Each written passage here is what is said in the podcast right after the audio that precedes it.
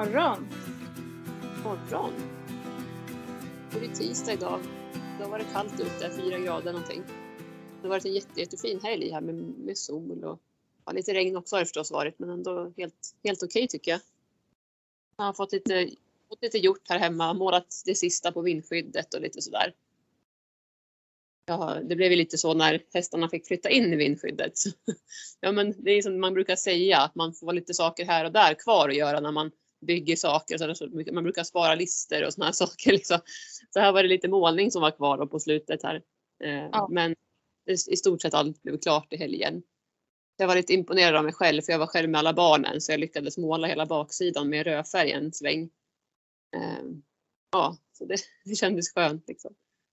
Barnen hoppade hopprep där bredvid mig och Jolin satt i vagnen och vi lyssnade på musik och sådär så det gick rätt så bra faktiskt. Men sen tröttnade de lite och då fick vi gå in och äta lite lunch och sen så Ja, vad gjorde vi mer? Jag red med Jolin gjorde jag på, på Herman och hon red även på Gingis en sväng där i helgen. Jaha, vad roligt! Har hon ja. varit förut och ridit så?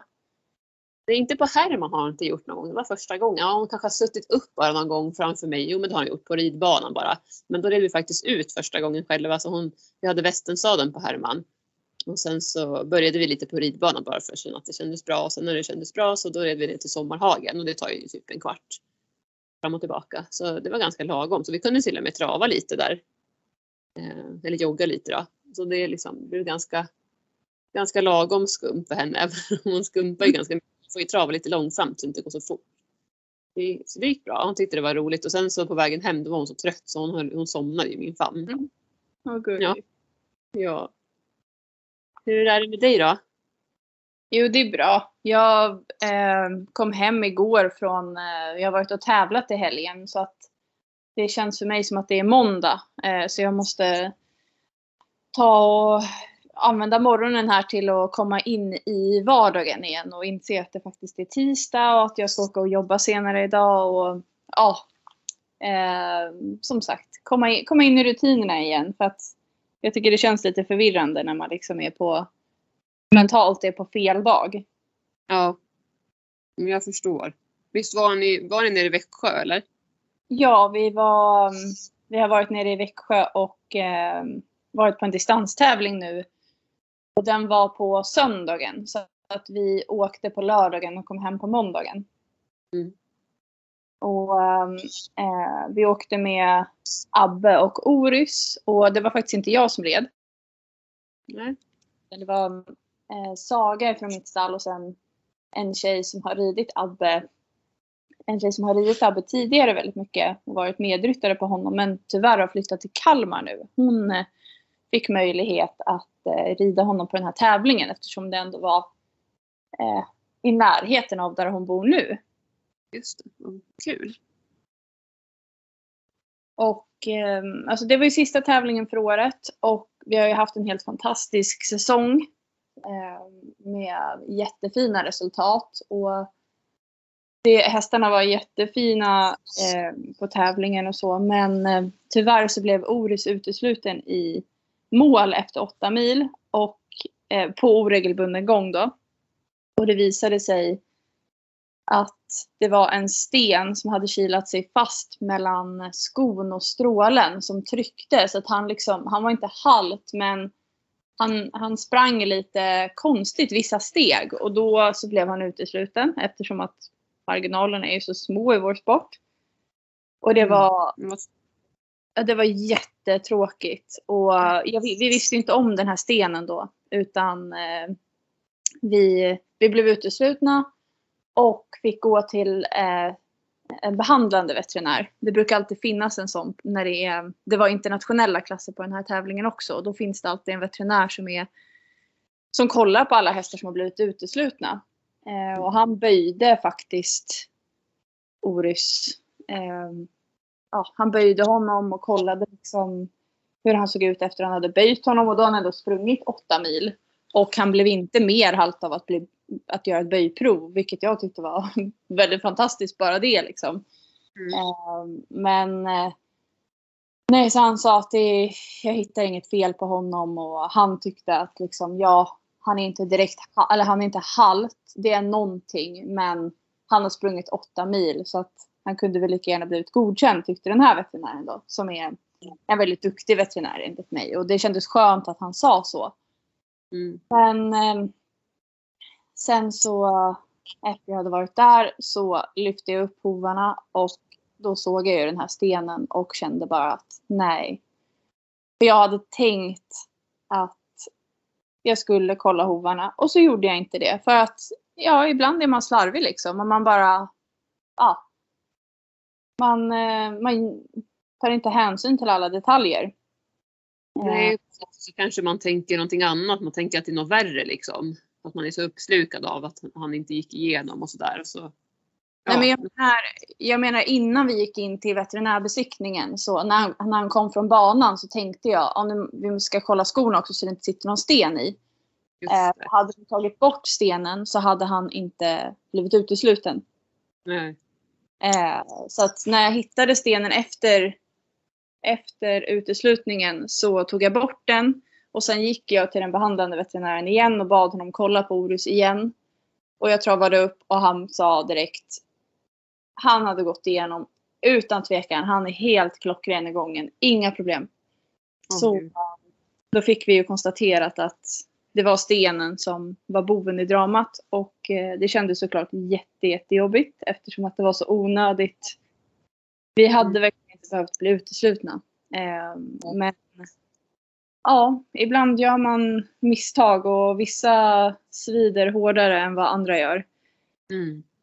Så det blev, ehm, det blev en uteslutning och det, det går inte att ändra ett sådant beslut i efterhand. Vi kan liksom inte gå till veterinären som, ehm, som dömde oss och säga att åh, det var en sten, kan du kolla på honom igen? Utan det är Mm. där och då som det avgörs. Så hade vi som sagt plockat av bort stenen innan innan vi gick in till målbesiktningen, då hade vi blivit godkända. Men ja, det är som sagt ett väldigt, väldigt tufft misstag som jag bär med mig och kommer behöva bearbeta närmsta dagarna. Det känns lite bättre nu men eh, det har känts otroligt jobbigt.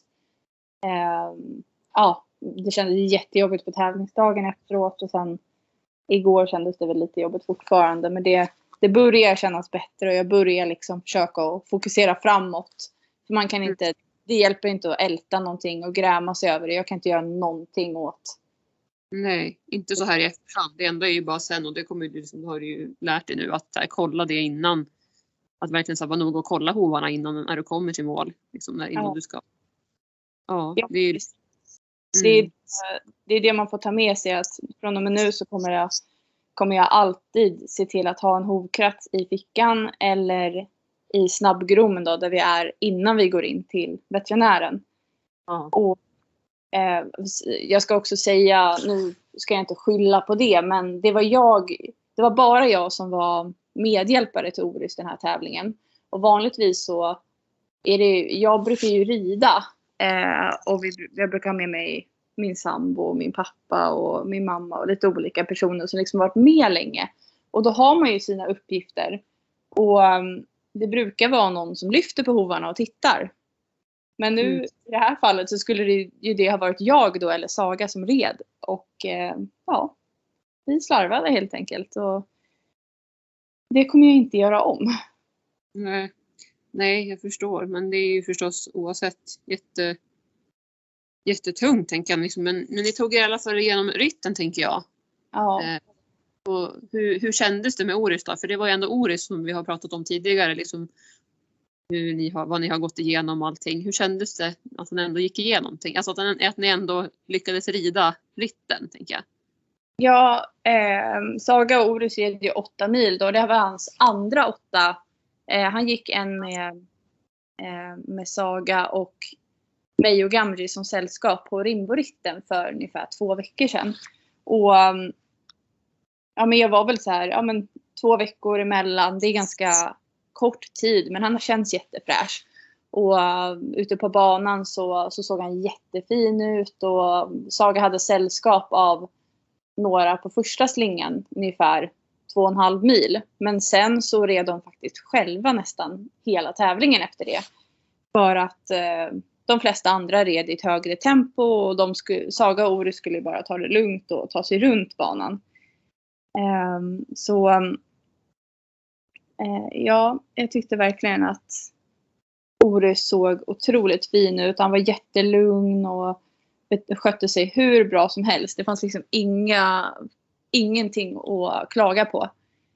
Eller förbättra för den delen när det gällde det. Sen eh, hans impulsningar var jättebra också. Eh, när man kommer in från slingan så ska hästen gå ner i puls. Och på 8 mil och längre distanser så ska den ha max eh, 64 slag per minut i puls.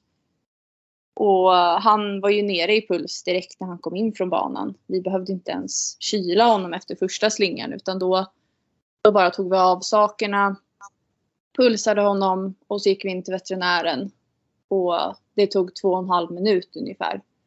Och sen efter andra slingan, då hällde vi typ en hink med vatten på honom bara på halsen för att kyla ner när han var lite varm. Och då gick han ner i puls också på typ två minuter och tio sekunder. Och det, så snabbt har han aldrig pulsat ner. Ehm, eller så snabba har vi aldrig varit med honom helt enkelt. Så det var också någonting vi tar med oss på pluskontot. Att han, eh, han pulsade superbra och eh, som sagt skötte sig helt exemplariskt.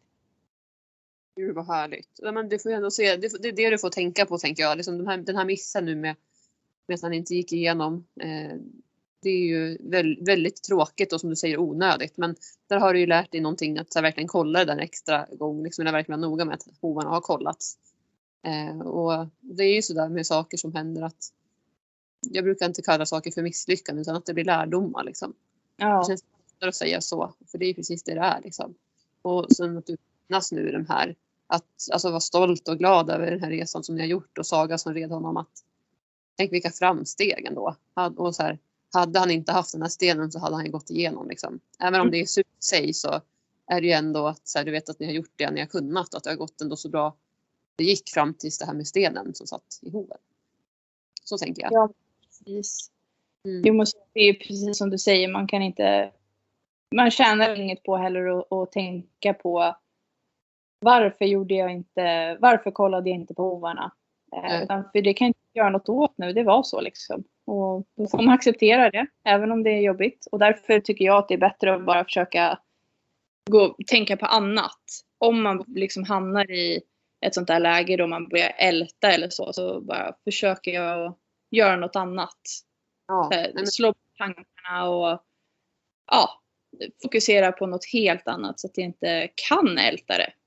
Mm, precis. Nej men det är så viktigt det som du säger att, att man inte fastnar och ältar så här, varför vi gjorde inte så och bara, tänk om jag hade gjort så här istället. Alltså, det, det leder liksom ja. Man kan bara reflektera över och tänka hur kan jag göra det bättre nästa gång? Så att, jag inte, så att det inte blir, lyckas bli samma sak igen.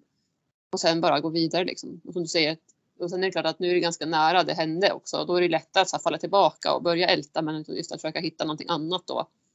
Ja. liksom som du säger, det är jättebra tips. Alltså generellt tänker jag, all, allt man gör. Allt som händer. Mm. Sen så ja. bearbeta saker också men i det här fallet så, så tänker jag att eh, det, det, som du kan göra för att bearbeta det är väl snarare det här att tänka på hur bra själva ritten gick i sig. Och så här, mm. att det gått så bra liksom. Ja men exakt. Man får vara glad för det som gick bra i första hand. Och sen så var det ju också, Abbe tävlade ju fem mil. Och han blev ju godkänd i sin klass och det var ju jätteroligt. Ja. Eh, så vi fick ju med oss ett eh, godkänt resultat. Eh, och han, eh, men han har ju varit väldigt olycksdrabbad och brukar liksom hitta på någonting i hagen och göra illa sig på. Eller något, något sätt att göra illa sig på minst en gång om året. Så att eh, han, eh, han missade ju några tävlingar i början på den här säsongen. Just för att han hade, eh, jag tror att han hade halkat i hagen och sträckt sig eller någonting. Och, ja, men det har varit någonting ganska ofta med honom att han liksom ja, men han har ju otur eller han är klumpig. Jag vet inte vad det är riktigt men han, han är duktig på att hitta sätt att göra illa sig på om vi säger så. Eh, mm. och i stort sett alltid i hagen. Mm.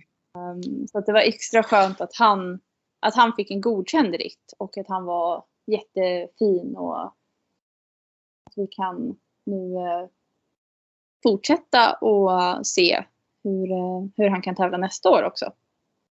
Det låter jättehärligt. Vi, vi ser fram emot här sammanfattning sen av Ja. tävlingar som har varit. Ja precis, det, det tänker jag att det kommer.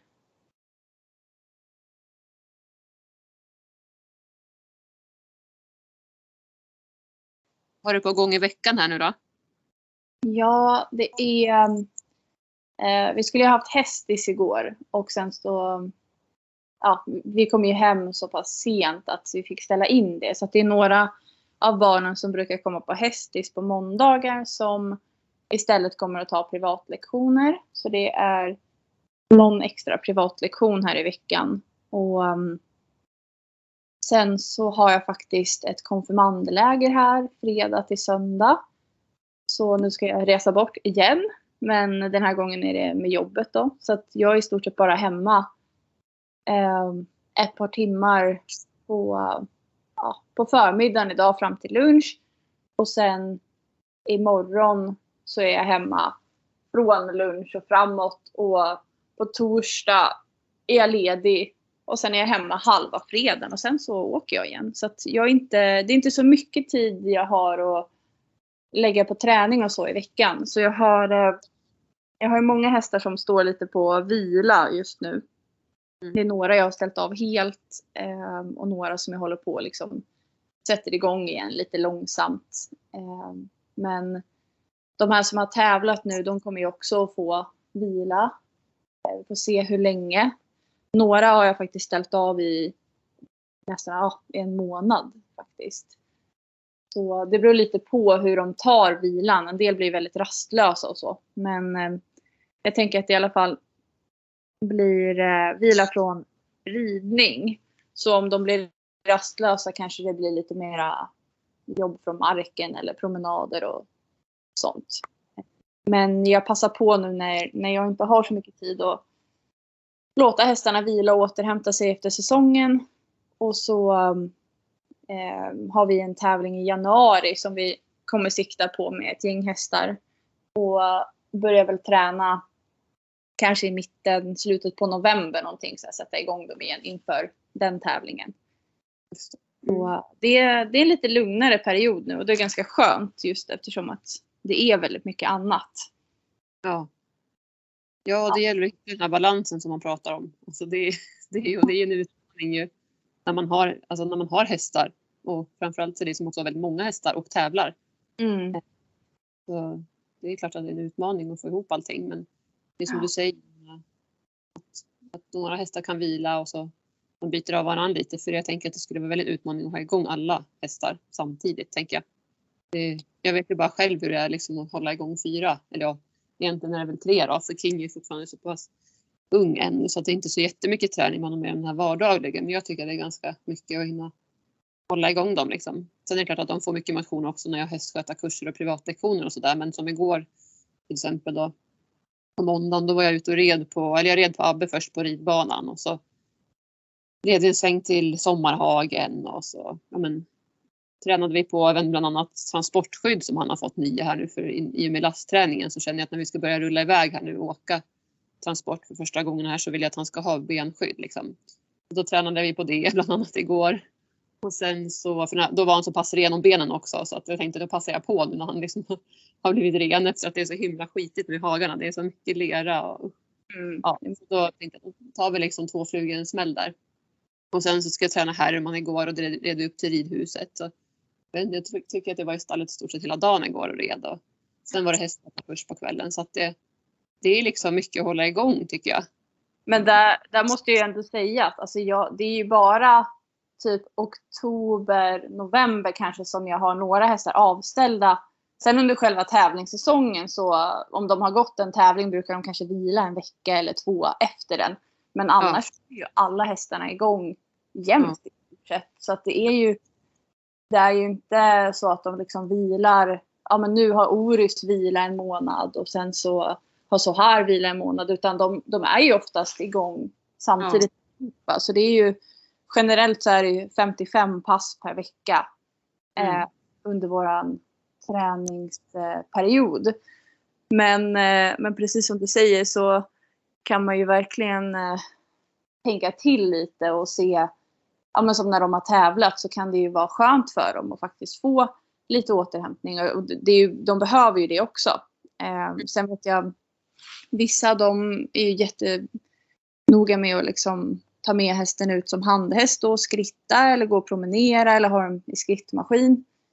Eh, Medan jag kanske inte alltid har tid till det eller möjlighet till det. Däremot så går ju mina på lösdrift och då har jag verkligen lösdriften att tacka för väldigt mycket för de rör ju sig jättemycket där och jag har märkt att eh, alltså deras ben och alltså stelhet och sånt har blivit så mycket bättre sen jag började ha dem på lösdrift. Ja, när man har haft dem på box efter, eh, efter ett hårt pass eller en tävling så blir det ju så att det, de blir mer stela och sen så är det mycket lättare för dem att få liksom ja, men gallor eller, eller att de svullnar i benen och så för att det här, de har ingen cirkulation. Nej. Nej, det har jag ett tidigt exempel på Abbe och han var ju lite gallig och sådär förut ju. I, till exempel så var han det i haserna faktiskt. Eh, det var men nästan ända från sommaren när han kom till ja, någon gång här nu för inte så länge sedan men de är borta. Jag skulle tro att det är just för att han är ute så mycket och rör på sig och liksom är på lösdrift nu. Så, eh, jag menar, han har ändå stått på box liksom, i stor del av sitt liv bara. Inte fått gå i hage i Spanien förutom när han var väldigt ung då, som de säger. Men det är klart att jag tycker också att det här stå på box gör ju att de stenar till. Det är, det är ju verkligen tydligt tycker jag. Mm. Det är bara att titta på Herman också som har haft sina problem med hältor och sådär och det märks ju liksom ingenting nu och jag tror att det är också tack vare att han är ute och rör på sig liksom och får det här det här hästlivet som hästar, alltså hästar är ju ändå skapta för att ströva, liksom, leta föda och beta största delen av dygnet egentligen. Så det är inte det att de är ute och springer omkring hela tiden så, så gör de ju oftast inte det vilda men de har ändå möjlighet när de är ute om de känner att de vill det. Ja. Ett exempel på det, det är ju King som jag har berättat om också att han har ju blivit så himla mycket lugnare och jag är övertygad om att det har att göra med att han går på lösdrift, vilket han inte gjorde innan han kom till mig. Speciellt de hästarna som har väldigt mycket energi eh, tycker jag verkligen mår bättre av eh, lösdrift. Enligt min erfarenhet i alla fall. Ja, det är min också. Alltså, det är bara att titta på både Abbe och King då som har varit ganska hästar med mycket energi och liksom lite nerverna på utsidan så. Alltså, de är ju liksom helt andra hästar. De är ju så lugna och jag tror mycket att det har med det att göra. De, blir mer harmoniska av det. Sen är det klart att alla har inte den möjligheten, men har man så tycker jag då kan man tänka till där. Vad kan jag göra? Kan jag göra någon förändring? Mm. Alltså det är alltid värt att testa tänker jag om man har möjligheten till det. Att ha dem på lösdrift. Så, men man får också vara beredd att man ger lite tid för att det sker ju inte över en natt liksom, en förändring utan det sker lite successivt för det är också en invänjningsperiod för hästarna tänker jag. Så här, har man, är man van att stå på box så kanske man, de behöver vänja sig med det där att inte få komma in och så.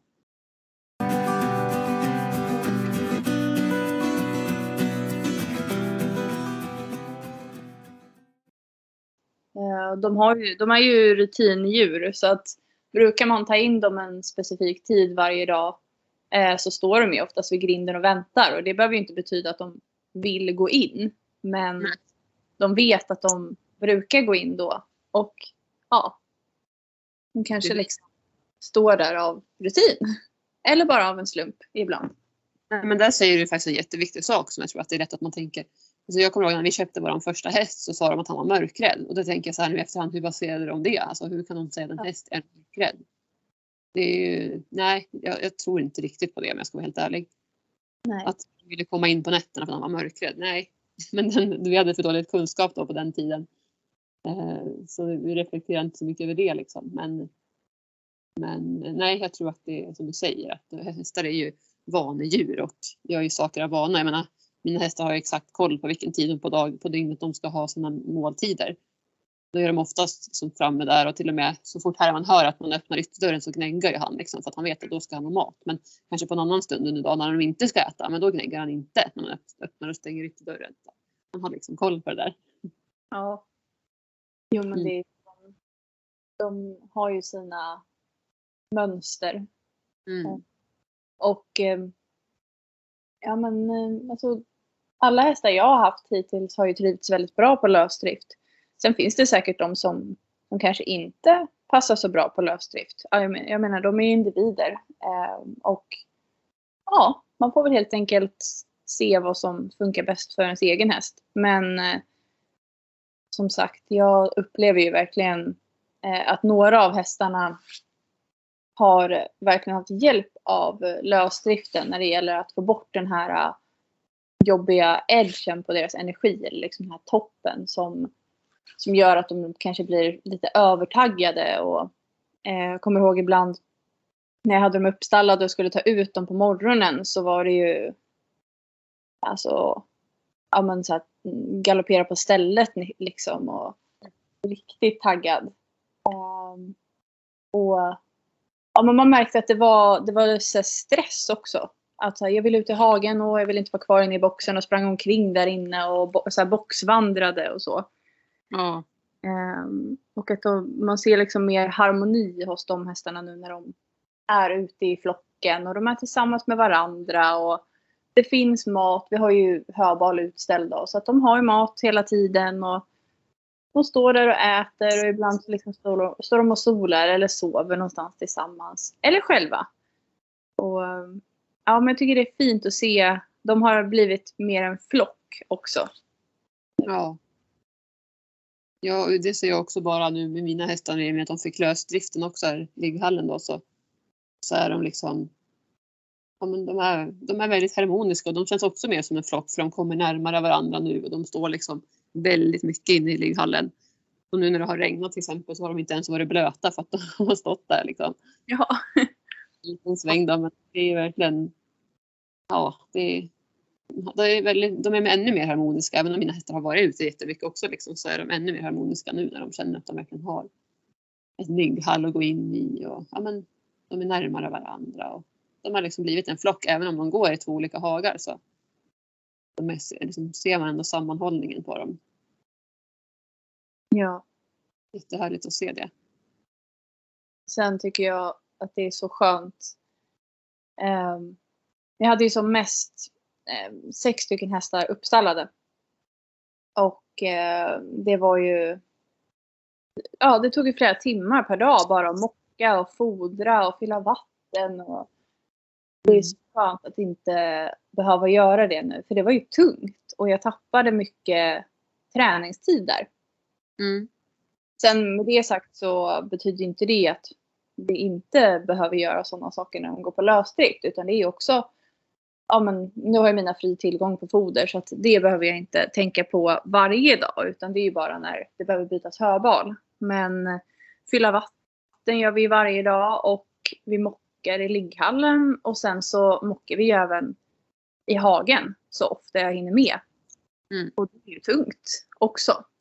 Men, men ändå liksom. Ja. Det känns enklare än när de stod inne. Ja, alltså man slipper det här momentet att flytta, gå in och ut till och från hage och stall. Och som du säger, man slipper köra runt med skottkärra ner i de olika boxarna och mocka och ströa in. Och man slipper det momentet liksom och, och ja, men dra fram strö dit. Och alltså, jag känner ju en stor skillnad. Men jag, jag mockar ligghallen varje dag för att det, det skitas ner om grisar riktigt där inne kan jag tala om.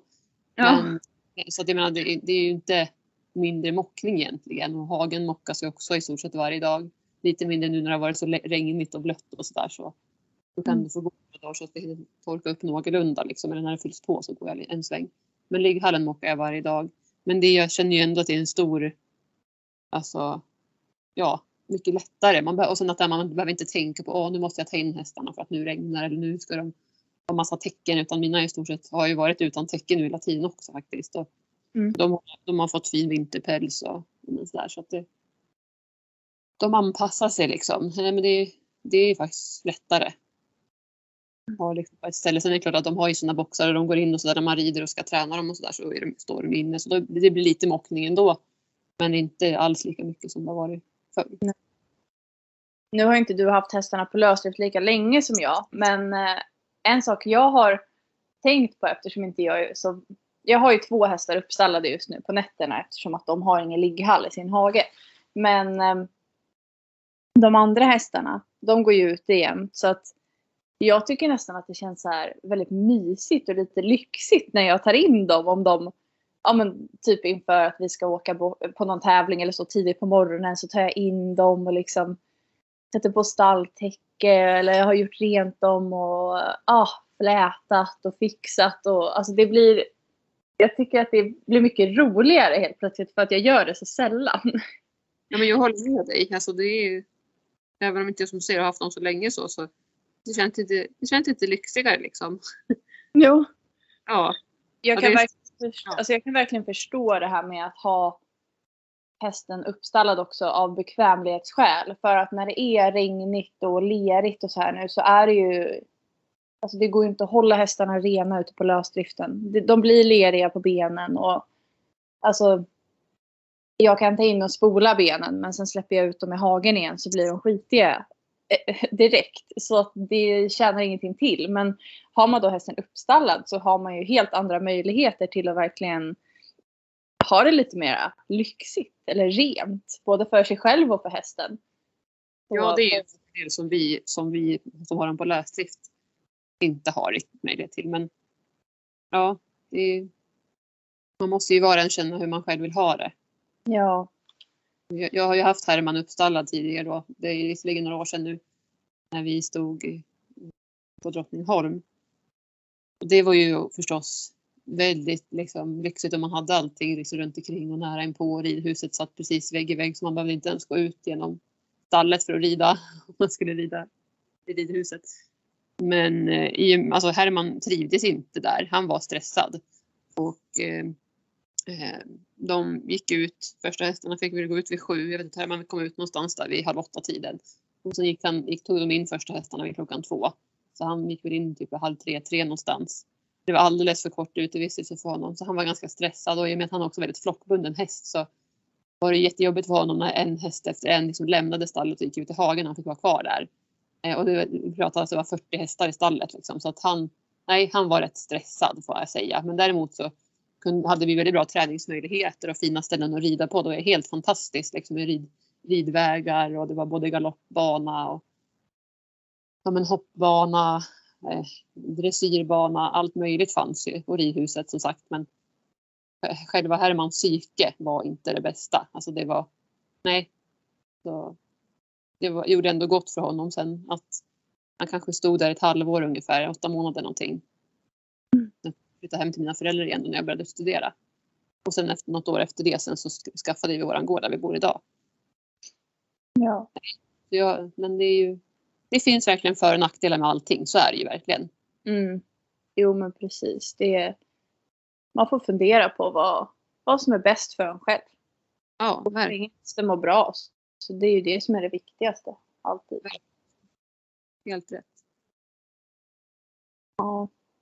Ja. Ska du göra något eh, spännande i veckan? Ja, alltså jag ser fram emot det redan här nu om någon timme för jag ska faktiskt till frisören här Ja. Jag har inte varit där på håll i nu ett och ett halvt år. alltså det är helt galet. Så det är verkligen dags nu. Jag har världens utväxt så jag ska fixa lite slingor tror jag att det blir. Jag ska se om min frisör kan få lite fria tyglar vad hon tycker. För jag är lite trött också på att ha slingor för jag har alltid haft det liksom i många, många år. Men, men samtidigt så passar ju lite det här ljusare blondare håret så vi får se vad det blir. Men jag ska dit i alla fall och det lär väl ta typ tre timmar att sitta där i frisörstol, frisörstolen. Så Mm. ja, sitter och gör lite jobb däremellan då tänkte jag. När jag sitter i frisörstolen medan jag kan.